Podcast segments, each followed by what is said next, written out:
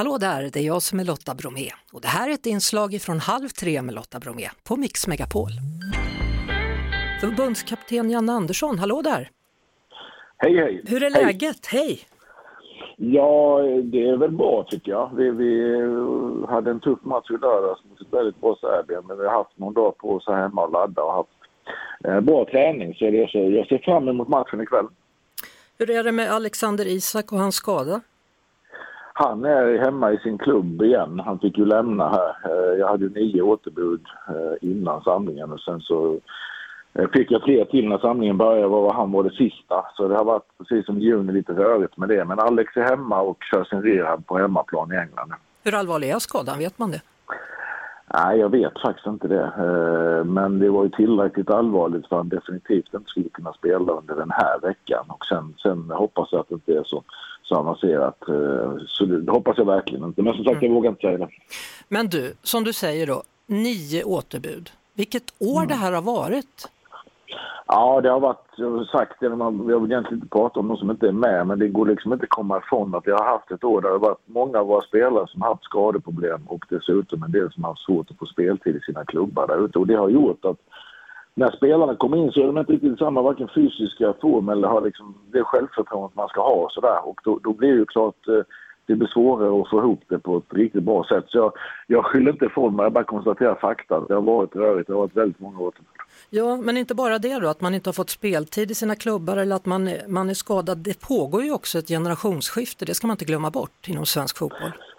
Ja, men så är det. Vi har vi är ett gäng som slutade för, för ett år sedan och sen så har det varit, eh, framförallt i år då, så, så har det, det har ju varit lite sökande och det är ju det är nya spelare som ska kliva fram och här är en hel del unga eh, spännande spelare som kommer liksom. Men vi kan inte ställa de kraven på att de ska prestera lika bra som de gamla gjorde redan nu. Utan de, de måste få ha, vi måste ha lite tålamod med dem. Men hoppas på att de är hela och friska för då, då, då tror jag det kan bli roligt framöver.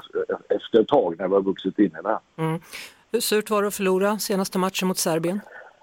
Ja, det var surt. Alltid tråkigt att förlora. Samtidigt så, så eh, det var ett av de bättre landslagen vi har mött faktiskt. Om vi tittar på styrkeförhållandena eh, så, så var de riktigt bra. Och eh, ibland, jag ska inte säga men jag hatar att förlora. Jag vet, Men, jag känner till det. Ja, Mm. men, men ibland så kan det vara lite enklare att acceptera om man möter ett riktigt, riktigt bra lag. Och det gjorde vi i lördags. Så, så att de, de var då bra och vi, vi hade behövt komma upp på personbästa allihop. Och det var vi inte den dagen. Och då förlorade vi.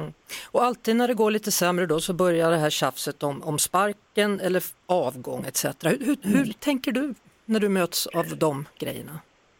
Alltså dels så läser jag ju ingenting eller vad folk tycker och tänker på det sättet. Jag vet ju att jag har varit med så många år. Jag, jag har hållit på ett kvarts sekel på elitnivå. Jag är 19 år i Allsvenskan nu, sjunde året som förbundskapten. Vinner man matcher så blir man hyllad ibland för mycket och förlorar man matcher så blir man sågad och ibland för mycket då också.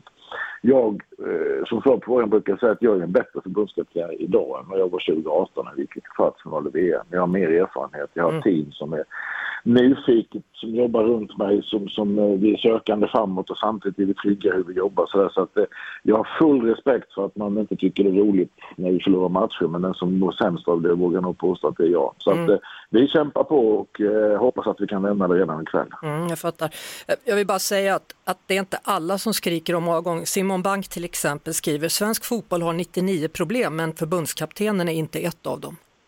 Jaha, ja, det var ju snällt av. Det har jag faktiskt inte läst. Si- Simon gillar jag. Ja, förstår det. Nej. Eh, Du, det Nej, en- men det, man- det, jag, förstår, jag förstår som sagt att det, det, så här, det hör till liksom. Även om jag ibland Mm. kan tycka att det är lite onyanserat. För att det, är klart att vi måste titta på förutsättningarna såklart. Så. Du, ändå lite av en ödesmatch ikväll då på Friends vinna eller försvinna mot Slovenien som faktiskt vände och vann mot Norge häromdagen. Herregud! Ja, Ja. alltså det, fotbollsvärlden är, eh, alltså på högsta nivå idag så är marginalerna oerhört små mellan la- landslagen. Vi ser ju England har haft eh, tufft i sin grupp här, det är ju sig Serie A och andra som har haft tufft. Det, det är små, små marginaler och Slovenien som sagt slog Norge häromdagen och eh, tog poäng mot Norge på bortaplan. Så det här, eh, fotbollsvärlden har blivit utjämnad och det gäller, att ha, det gäller att få fram väldigt, väldigt mycket om man ska vinna matcher, så är det. Mm. Men ikväll vinner vi, eller hur? Ja, jag tror alltid vi ska vinna. Så Mm. jag tror vi ska vinna idag också såklart. Det är klart vi ska. Jag menar, du fyller ju år också på torsdag, hörru. Grattis! Ja, alltså, ja, tack så mycket. Ja, nej, det, det är inte mycket att gratulera till när man fyller så många år som jag gör. Nej, men du fyller ju många jämna år, det är ju 60 liksom. Ja, Klart skott, grattis! Ja. Tack så jättemycket. Nej, men det är svårt att ta in det där. Ja. Eh, jag jobbar ju mycket med unga människor och därför känner man sig inte så Det är bara när jag ser mig själv på bild så inser jag att jag är nog fan 60 tyvärr. Ja, men du, du, du kan ge dig på att grabbarna kommer vilja ge dig en 60-årspresent ikväll, så lycka till! Stort tack! Vi hörs såklart på Mix Megapol varje eftermiddag vid halv tre. Ett poddtips från Podplay. I podden Något Kaiko garanterar östgötarna Brutti och jag, Davva, dig en stor dos skratt. Där följer jag pladask för köttätandet igen. Man är lite som en jävla vampyr. Man har fått lite blodsmak och då måste man ha mer. Udda spaningar, fängslande anekdoter och en och annan arg rant. Jag måste ha mitt kaffe på morgonen för annars är jag ingen trevlig människa. Då är du ingen trevlig människa, punkt. Något Kaiko, hör du på Podplay. Därför är gardinerna.